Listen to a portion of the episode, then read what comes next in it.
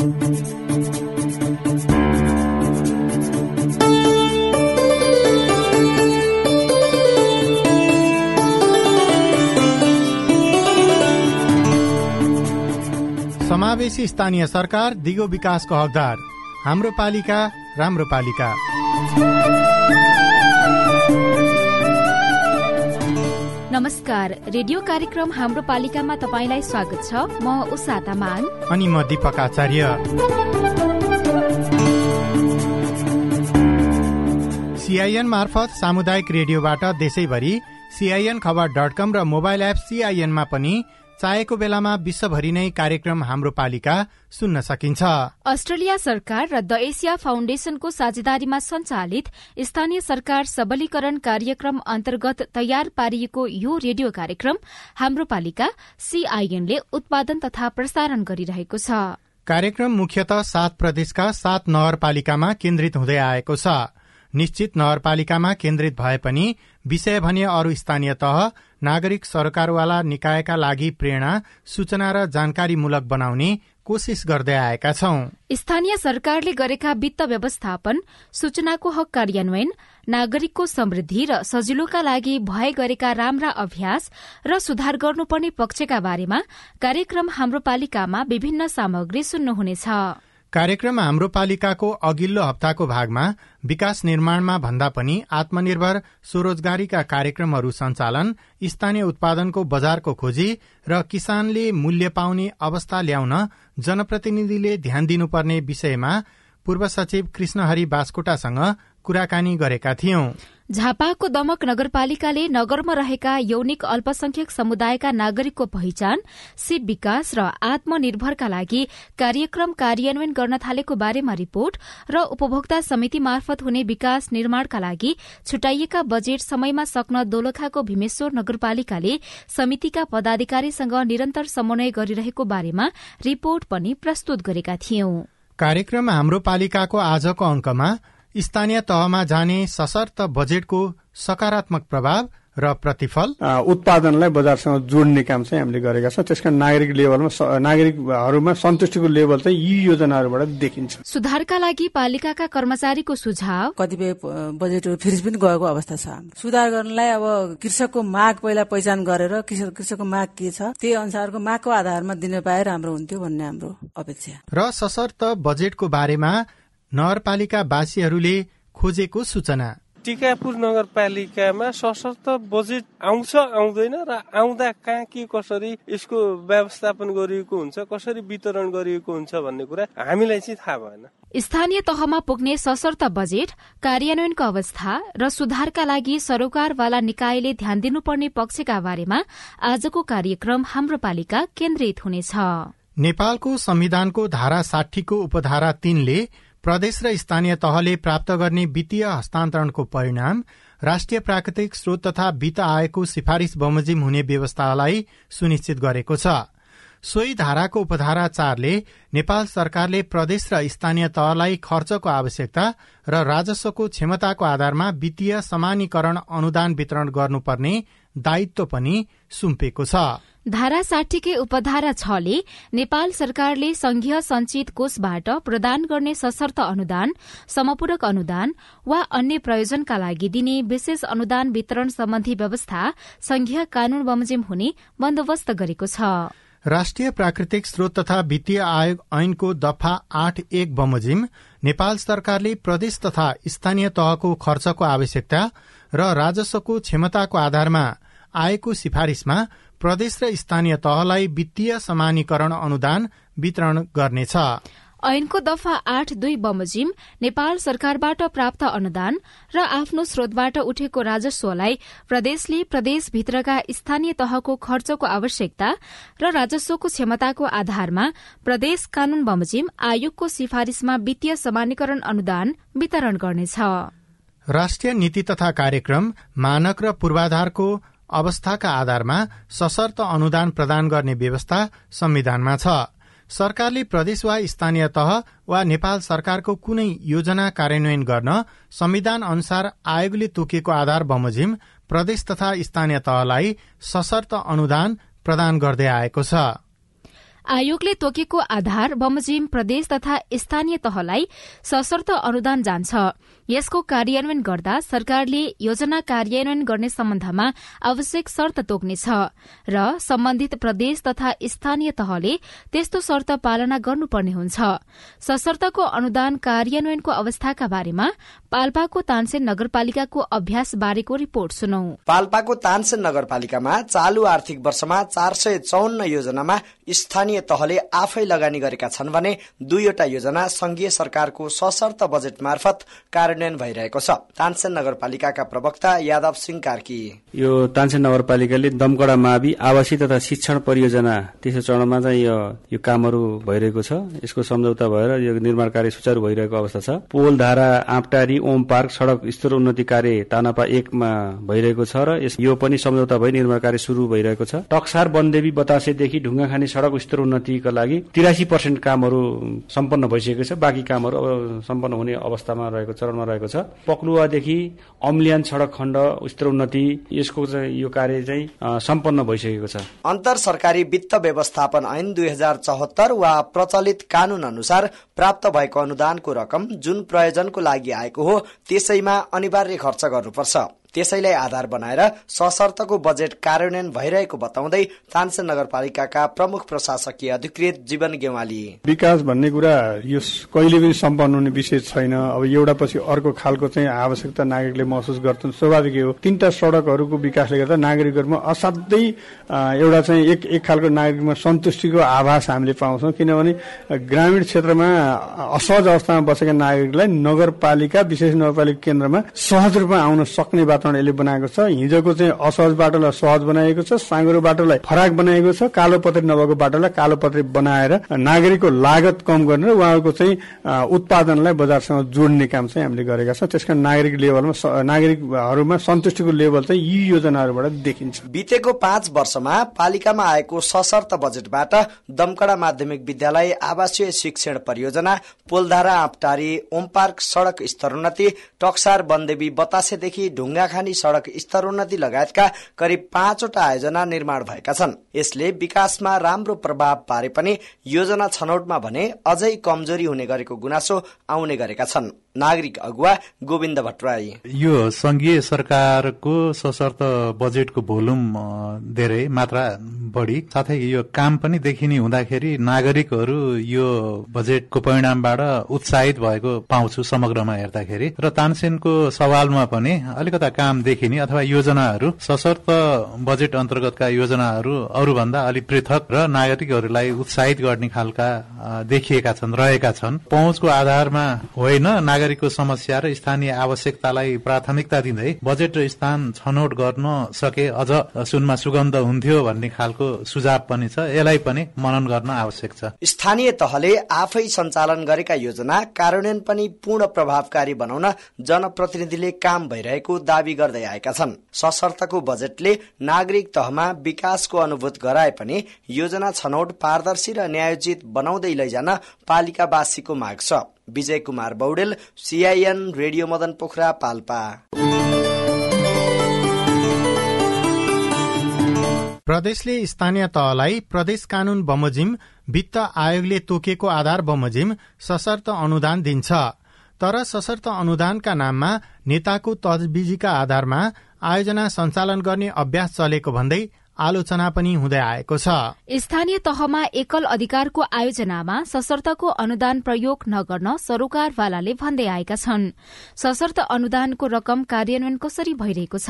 हामीले स्याङ्जाको वालिङ नगरपालिकाका मेयर कृष्ण खाँडसँग कुराकानी गरेका छौं। वालिङ नगरपालिकामा आएका सशर्त बजेटहरूको प्रयोग अथवा त्यसको विनियोजन कहाँ अनि कसरी गरेको छ? यो विशेष गरी आर्थिक वर्ष दुई हजार उनासी असीको यो विशेष सशर्त क्षेत्र भनेर सामाजिक विकास भनेर भनिन्छ। यो अन्तर्गत अब जम्मा कुल बजेट भनेको सैतिस करोड बहत्तर लाख चौसठी हजार रहेको छ। त्यसमा विशेष गरी शिक्षा क्षेत्रमा एक करोड पचहत्तर लाख टोटल बजेट छ। त्यसमा सैतिस लाख पचास हजार खर्च भएको छ अथवा पर्सेन्ट भन्दा एक्काइस पोइन्ट चार पर्सेन्ट खर्च भएको छ। र अब हुन बाँकी भनेको एक करोड सैतिस लाख पचास हजार छ। त्यस्तै गरी अब स्वास्थ्य अन्तर्गत जस्तै आँखा स्वास्थ्य सेवा आयुर्वेद सेवा त्यस्तै गरी गएर एचआइभी एड्स तथा स्टडी अनि औषधि खरिद क्षमता अभिवृद्धि क्षयरोग नियन्त्रण कोरोना भाइरस कोभिड उन्नाइस खोप कार्यक्रम गुणस्तर मापन तथा नियमन प्राकृतिक प्रकोप तथा विपद व्यवस्थापन परिवार नियोजन पोषण कार्यक्रम मेसनरी औजार महामारी रोग नियन्त्रण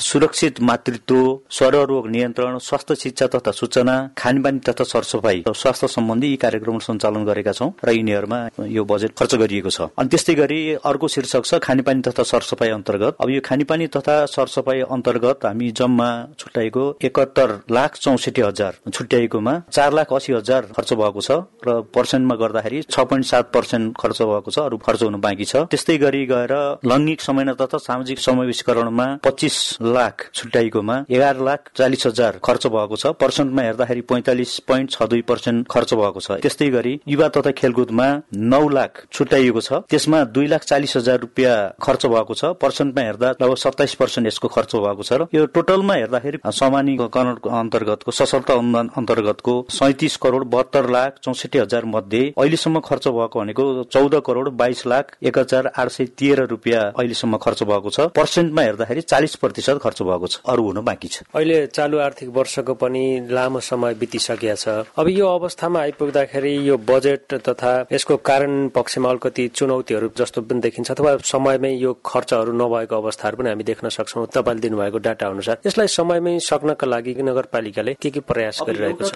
के छ भने विगतका हाम्रा कमी कमजोरीहरू केलाउँदाखेरि यो सम्झौता बजेट योजनाहरू छुट्याउने बजेट छुट्याउने र त्यसलाई त्यो जुन सम्झौता गर्ने जुन समय अलि बढी राख्दाखेरि झन्डै झन्डै आर्थिक वर्षको अन्तिम अन्तिममा आएर सम्झौता गर्ने अनि त्यसले गर्दाखेरि कतिपयले काम अधुरै छोड्ने काम पुरा सम्पन्न हुन नसक्ने कतिपय काम नहुने यस्ता खालका कुराहरूले समस्या बनाएको हुनाले अहिले हामीले के भनेका छौँ भन्दा कम्तीमा यो माघ मसन्तभित्रमा यो जति पनि हामीले छुट्याएका योजनाहरू छन् यी योजनाहरू अब यो फागुनको मसन्तसम्ममा हामीले सबै सम्झौता गरिसक्ने र काम अगाडि बढाइसक्नु पर्ने भनिएको छ। त्योभन्दा पछाडि गरिएका सम्झौताहरू कार्यान्वयन नगर्ने अथवा सम्झौतै नगर्ने भनेर भनिएको छ। त्यसले गर्दाखेरि पनि अब यो मलाई लाग्छ आशा छ यो खर्च गर्न सकिएला भन्ने लाग्छ एउटा खालको कुरा। र अहिलेसम्म कम सामान्यतः हेर्दाखेरि यो आम निर्वाचन यी सबै कुराहरू अरू चाडपर्व निर्वाचन यी सबै कुराहरूले गर्दाखेरि अलिकति जुन समयमा जुन ढङ्गले खर्च हुनुपर्ने हो त्यो खर्च हुन सकेको छैन र मलाई लाग्छ अब कम्तीमा पनि हामी यसमा एकदम मुख्य प्रायोरिटी दिएर नै लागेका छौँ र यसको खर्च प्रतिशत जुन हो त्यो खर्च प्रतिशतलाई हामी बढाउँछौँ।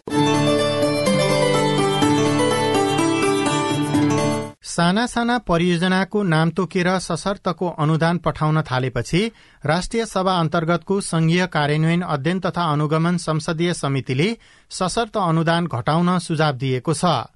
परियोजना नतोकी क्षेत्रगत रूपमा रकम उपलब्ध गराउन समितिले अनुरोध समेत गरेको छ। प्राकृतिक स्रोत तथा वित्त आयोगले पनि यस्तो अनुदान घटाउन र प्रदेश र स्थानीय तहको एक अधिकारभित्र पर्ने योजनामा नदिन सिफारिश गरेको छ। स्थानीय तहमा पुग्ने सशर्तको अनुदान रकम कार्यान्वयनका लागि सुधार गर्नुपर्ने पक्ष के के छन्? एकैछिन सुर्खेतको वीरेन्द्र नगरपालिकाका कर्मचारीको विचार सुनौ। नमस्कार म उत्तम प्रसाद आचार्य वीरेन्द्रनगर नगरपालिका सुर्खेतको सूचना अधिकारी। सशर्त बजेटकै आधारमा शिक्षकहरूको तलब भत्ता विभिन्न किसिमका विकास निर्माणका कामहरू भौतिक सुधारका काम सञ्चालन हुने गर्छन्। अब यो चाहिँ सशर्त बजेट भनेको छ तोकिएको सम्बन्धित शीर्षकमा नै खर्च गर्नुपर्ने हुन्छ। यो चाहिँ अब स्थानीय आवश्यकता स्थानीय माग भन्दा पनि अब केन्द्रले तोकिएको तोकेको आधारमा चाहिँ आउने भावनाले यो बजेट चाहिँ अपर्याप्त हुने। विशेष गरेर विद्यालयका भवनहरू निर्माणको लागि आउने बजेटहरू अहिले हामीले चाहिँ अभ्यास गर्दै जाँदाखेरि अपुरा हुने कार्यक्रमहरू अधुरा हुने त्यस्तो खालको देखिएको छ भने अब शिक्षकहरूको तलब भत्ताको अधिकांश रकम आउँछ सशर्त अनुदानमा। त्यसमा चाहिँ विगतमा भएकै दरबन्दीका आधारमा मात्रै चाहिँ तलब भत्ता आउने विद्यार्थी संख्या बढेको आधारमा तलब वृद्धि भएको आधारमा र स्थानीय थप आवश्यकताका आधारमा नभएर तोकिएको चाहिँ हुने भावनाले त्यसले चाहिँ अपर्याप्त रहने खालको समस्या चाहिँ देखिएको छ। मेरो नाम मानकुमारी विष्ट मेरो घर वीरेन्द्र एघार हो। पद चाहिँ मेरो कृषि अति छैटौँ हो। सशक्त बजेट चाहिँ आउँछ हामी कहाँ होइन? आएपछि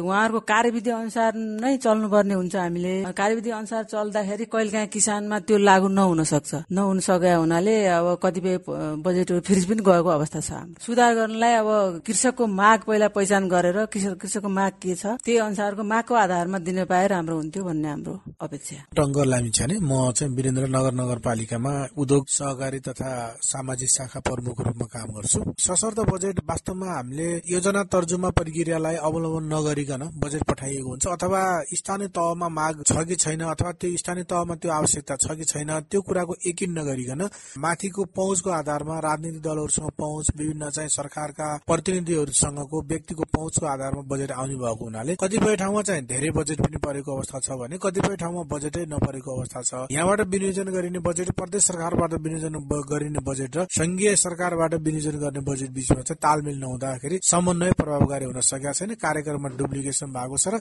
यसबाट चाहिँ एउटा परिणाम जे आउनु पर्ने त्यो परिणाम आउन चाहिँ नसकेको जस्तो देखिन्छ।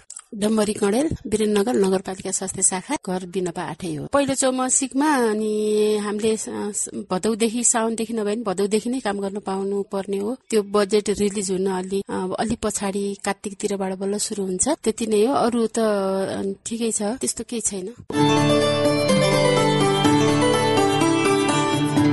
स्थानीय तह जनप्रतिनिधि र सरोकारवाला निकायले भने सशर्तको अनुदान रकम सदुपयोगका लागि दर्जनौ सुझाव प्राकृतिक स्रोत तथा वित्त व्यवस्थापन आयोगलाई दिएका छन्। नेपाल सरकारले प्रदान गर्ने सशर्त अनुदानका आयोजना तथा कार्यक्रम स्थानीय तहको आवश्यकता र प्राथमिकता अनुकूलको हुनुपर्ने धेरैको जोड छ। संघ प्रदेश र स्थानीय तहका आयोजनाहरूको थ्रेसोल्ड निर्धारण हुनुपर्ने।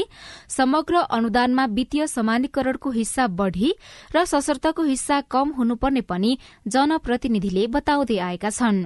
आयोजना वा कार्यक्रममा दोहोरोपना हुन गई उपलब्ध स्रोत साधनको सन्तुलित वितरण र मितव्ययपूर्ण उपयोगमा पनि चुनौती सिर्जना भएको छ। संघ प्रदेशबाट गएको सशर्तको रकमका बारेमा पालिकावासी पनि सजग हुनुपर्छ। तर प्राय धेरै आयोजनाका बारेमा जानकारी नदिने गरेका कारण नागरिक भने खबरदारी गर्न नपाएको गुनासो गर्दछन्। नमस्कार मेरो नाम क्षेत्र देवकोटा टिकापुरे कैलाली। सम्बन्धित तल्लोको ग्रास रोड सेवामा सबै मान्छेहरूलाई यसको जानकारी नै हुँदैन। सामान्य त्यो खालका अभिमुखीकरण तालिमहरू त्यो अनुसारको अनुदान आउँछ भन्ने कुरा सबै आम जनसमुदायले थाहै नै छैन। सम्बन्धित मान्छेले आफ्ना मान्छेहरूलाई को को छन् ल यसो यसो आउँदैछ। यो अनुसारको मात्रै तिमीहरूले यो गर भनेर सीमित मान्छेलाई मात्रै जानकारी दिए जस्तो पाइन्छ। फिर्ता भयो भएन अनुदानलाई कसै युज गरे गरेनन् भन्ने कुरा चाहिँ त्यति भएको जस्तो मलाई लाग्दैन। त्यसैले हामीले के गर्न सकिन्छ भने तलैसम्म आउने सशर्त खालको त्यो अनुदानहरू सम्बन्धित मान्छेहरूलाई जानकारी गराएर यो आउँछ यसरी खालको सम्बन्धित मान्छेहरूलाई गर्यो भने तल्लोको मान्छेहरू जो साँच्चै नै अनुदान पाउने खालका मान्छेहरू हुन् तिनीहरूले पाउन सक्छन् र भोलि बिहान त्यसले चाहिँ प्रभावकारी ढङ्गले अगाडि बढ्न सक्छ भन्ने मलाई लाग्छ। मेरो नाम भागीनाम चौधरी टिकापुर नगरपालिका वार्ड नम्बर दुई विजयनगरमा म बस्छु। जानकारको कुरा यस्तो छ यसपालि टिकापुर नगरपालिकाले त्यहाँबाट आएको बजेट पहिले नगरपालिकालाई जानकारी आउँछ त्यसपछि वारालाई हुन्छ। र वाराले पनि जानकारी गरेको अवस्था छैन जनताको अगाडि र नगरपालिकाले पनि त्यो गर्नु खोजेको छैन। स्वयं आफ्ना पार्टी र आफ्ना व्यक्तिगतका नजिकका मान्छेलाई मात्रै जानकारी गराउने त्यही किसिमको उपभोक्ता समिति गठन गर्ने त्यही किसिमको उहाँहरूलाई टेन्डर दिने काम भइराखेको छ अहिले। योभन्दा पहिले सायद जानकार पाउँथे हामी यस्तो बजेट पारेको छ भनेर। अहिले यो टिकापुर अहिलेको स्थानीय सरकार आइसकेपछि हाम्रो यहाँ कुनै पनि अहिलेसम्म जानकारी भएको न उहाँसँग कुनै हाम्रो यो ठाउँमा आएको र उहाँको एक दुईजना मान्छे त्यो पार्टीका आफ्ना छन् उहाँहरूलाई जानकार छ तर गाउँलाई चाहिँ जानकार छैन। त्यो जानकार नभयो भने हामी पारदर्शी भयो कि भएन भने कसरी थाहा पाउने? मेरो नाम बिना सोडारे टिकापुरे यो बजेटको बारेमा खासै जानकारी छैन होइन? यो यदि महिलाको नाममा आएको भने महिलाको उसमा खर्च गरिनुपर्छ बालबालिकाको उसमा आएको भने बालबालिका उसमा खर्च गर्नुपर्छ कुनै सडक बनाउने काममा हो भने सडककै उसमा खर्च गरिनुपर्छ कुनै अरू दलितको नाममा आएको हो भने त्यो दलितकै उसमा खर्च गरिनुपर्छ खासै जानकारी छैन। दीर्घबहादुर तिरुवा घर चाहिँ टिकापुर नगरपालिका वार्ड नम्बर दुई राजीपुर हो। त्यो सशक्त अनुदान भन्ने कहाँ के खर्च गर्नुपर्ने हामीलाई कुनै जानकारी नै भएको छैन। जानकारी नभएको कुरालाई हामीले कसरी लैजाने हो?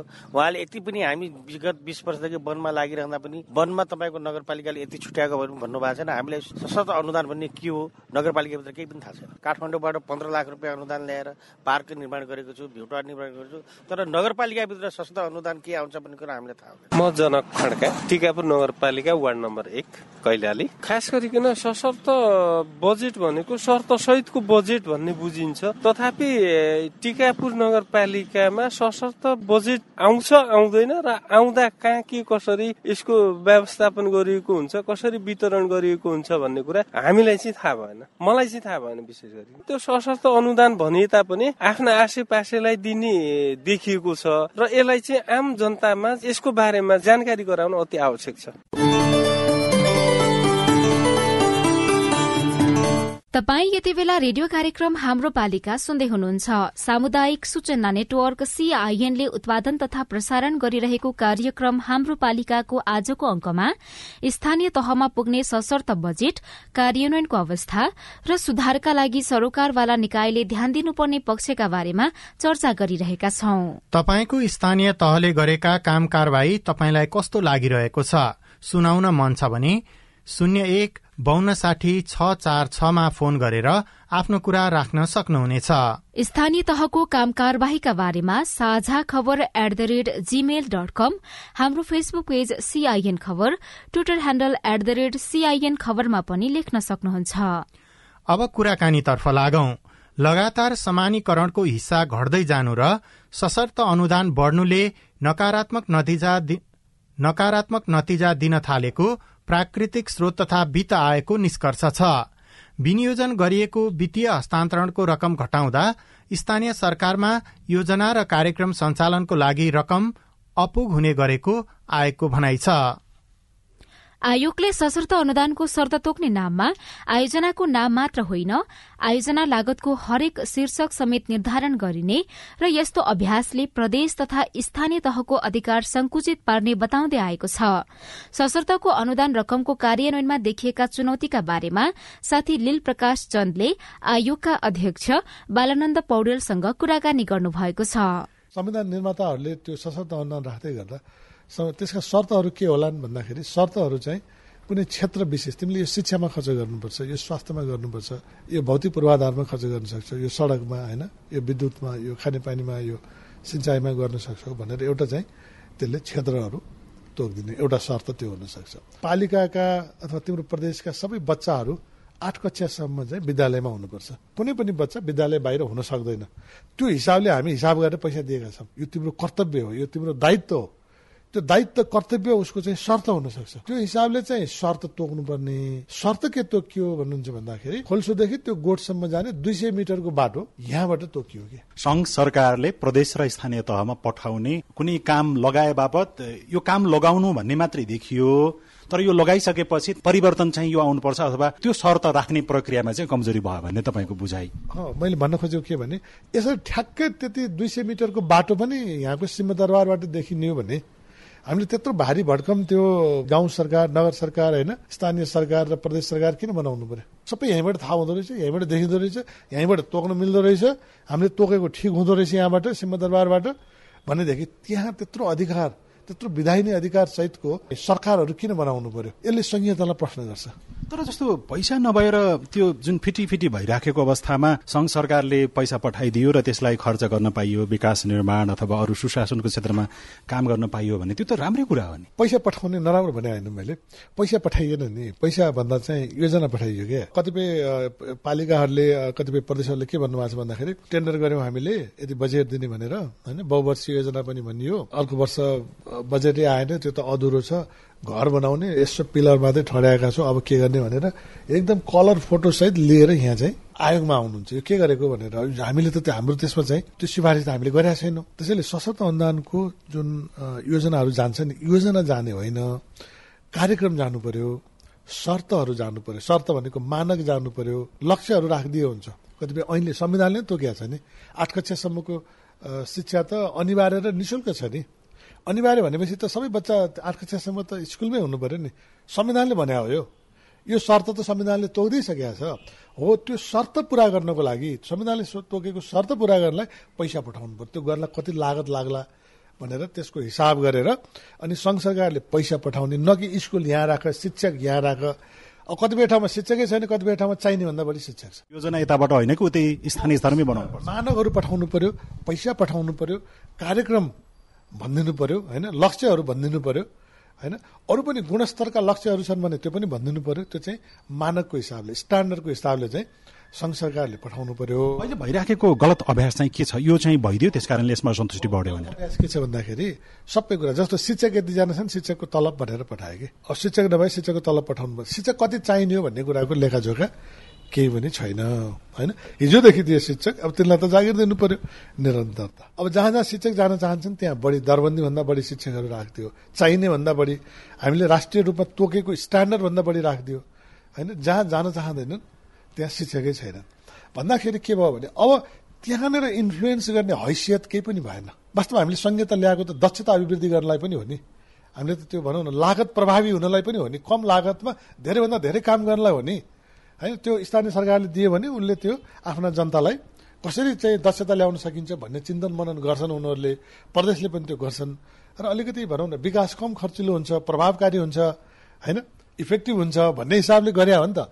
अब यहीँबाट यहीँको सिंहदरबारबाट सबै कुरा हामीले देख्न थालेपछि त हिजोको विरासत हिजोभन्दा नि खराब भयो। हिजो त कमसेकम जिल्ला विकास समिति थियो।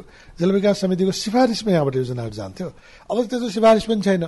यहीँ सिंहदरबारमा बस्यो यहाँको मन्त्री सचिवहरूलाई जे ठिक लाग्छ अब त्यो पठाइदिने भने त यो संहितामाथि गम्भीर प्रश्नहरूले गरिरहेछ। यति जति आकारको पैसामा खेलवाड भयो अथवा लापरवाही ढङ्गबाट मनलाग्दी भयो भन्ने कुरा चाहिँ के छ? अब सशक्त अनुदान यसरी चाहिँ आयोजना के अरे कार्यक्रम तोकेर जाने होइन योजना नै तोकेर जाने एउटा पाटो भयो। अर्को पाटो चाहिँ उनीहरूको त आफ्नै योजना छ नि आवधिक योजनाको कुराहरू छ होइन? अब त्यो योजना बनाइसकेका हुन्छ अब उसले कसरी योजना बनाएको छ हामी त्यसलाई यहाँबाट ख्याल गर्दैनौँ होइन? हामी यहाँबाट चाहिँ आफ्नो हिसाबले योजनाहरू पठाइदिन्छौँ। भने पछाडि उसको योजना पनि तोड मरोड भयो। अब त्यो उसको योजना उसले बनाउनै सक्दैन। पालिकाले कसरी बनाउँछ योजना भन्नुहोस् त। अब कसरी सशक्त अनुदानमा के के कार्यक्रमहरू कसरी आउने हो कुन कुन बाटो कहाँ कहाँ तोकिएर आउने हो भन्ने कुरा उसलाई थाहै छैन। उसको प्राथमिकता अनुसार त भएको छैन नि। त्यसैले उसको प्राथमिकरण गर्ने हैसियत पनि यसले गुमाउँछ। सशक्त अनुदानको कारणले गर्दाखेरि स्थानीय सरकार र प्रदेश सरकारहरूको प्राथमिकरण गर्ने हैसियत गुमेको छ। पूर्वानुमान गर्ने हैसियत पनि गुमेको छ। अब योजना भनेको त प्राथमिकरण र पूर्वानुमान हो नि। दुइटै हैसियत हामीले हाम्रो सशक्त अनुदानको कारणले गुमेको छ भने अब उनीहरूले योजना राम्रो बनाएनन् भन्ने त हाम्रो कुनै त्यो भन्ने हैसियतै छैन हाम्रो। संविधान त ऐन बमोजिम मात्रै राजस्व उठाउन पाइन्छ र ऐन बमोजिम मात्रै खर्च गर्न पाइन्छ। ऐनभन्दा बाहिर गएर कानुनभन्दा बाहिर गएर एक पैसा उठाउन पनि पाइँदैन र एक पैसा खर्च गर्न पनि पाइँदैन। अब त्यो ऐन भनेको के हो भन्दाखेरि विनियोजन ऐन हो। अब विनियोजन ऐनमा त्यो बिचमा गएको आयोजनाहरू बिच बिचमा थपेर पठाइदिने यो गर्ने छ। बिचमा गएको आयोजनाहरू त उसले बजेटमा राखेनन्। कि त त्यो सङ्घको बजेटमा हुनु पर्यो कि प्रदेशको बजेटमा हुनु पर्यो होइन कि स्थानीयको बजेटमा हुनु त्यसैले स्थानीयले कार्यान्वयन गर्छ तर उसको बजेटमा छैन भनेपछि यसले जवाबदेताको पनि कमजोर बनाउँछ। त्यसो भए अब सच्याउनको लागि यहाँको निष्कर्ष चाहिँ त्यसमा केही अझै त्रुटिहरू छ भन्ने भयो। यसलाई सच्याउनको लागि प्रधानमन्त्रीले यो कुरा बुझ्नु पर्यो थाहा पाउनु पर्यो अथवा अर्थमन्त्री अथवा सरकारवाला निकायको दबाव पुग्यो भने चाहिँ सच्याएर भएका त्रुटिहरू पनि कम गर्न सकिन्छ। यो नेपाल सरकारसँग बार बार यो कुरा गरिरहेछौँ है। भनौँ न अब सामान्य प्रधानमन्त्रीज्यूले अध्यक्षता गरेको बैठकहरूमा पनि यो कुरा आएको तर्फबाट हामीले उठाएका छौँ। र सम्बन्धित अर्थ मन्त्रालय सङ्घीय अर्थ मन्त्रालयमा पनि यो कुरा उठाएका छौँ। त कस्तो देखिन्छ भन्दाखेरि अर्थ मन्त्रालय सङ्घीय अर्थ मन्त्रालयले चाहिँ अलिकति यसमा रिफर्म गर्न खोजेको हो कि उसको त्यो ऊ चाहिँ देखिन्छ त्यो झुकाव चाहिँ। यो बाटोमा जानुपर्छ हामीले यसरी जसरी गरिरहेछौँ यो ठिक होइन भन्ने बुझाइ चाहिँ उहाँहरूले व्यक्त गर्नुहुन्छ। तर कार्यान्वयन गर्ने सिलसिलामा उहाँहरू पनि क्षमता अलिकति बढाउन अझै बाँकी रहेको हो कि? राजनीतिक दलका नेताहरू मन्त्री हुने अथवा प्रधानमन्त्री हुने राष्ट्रपति हुने त्यो त्यो प्रकारको व्यवस्था छ नि त नेपालमा?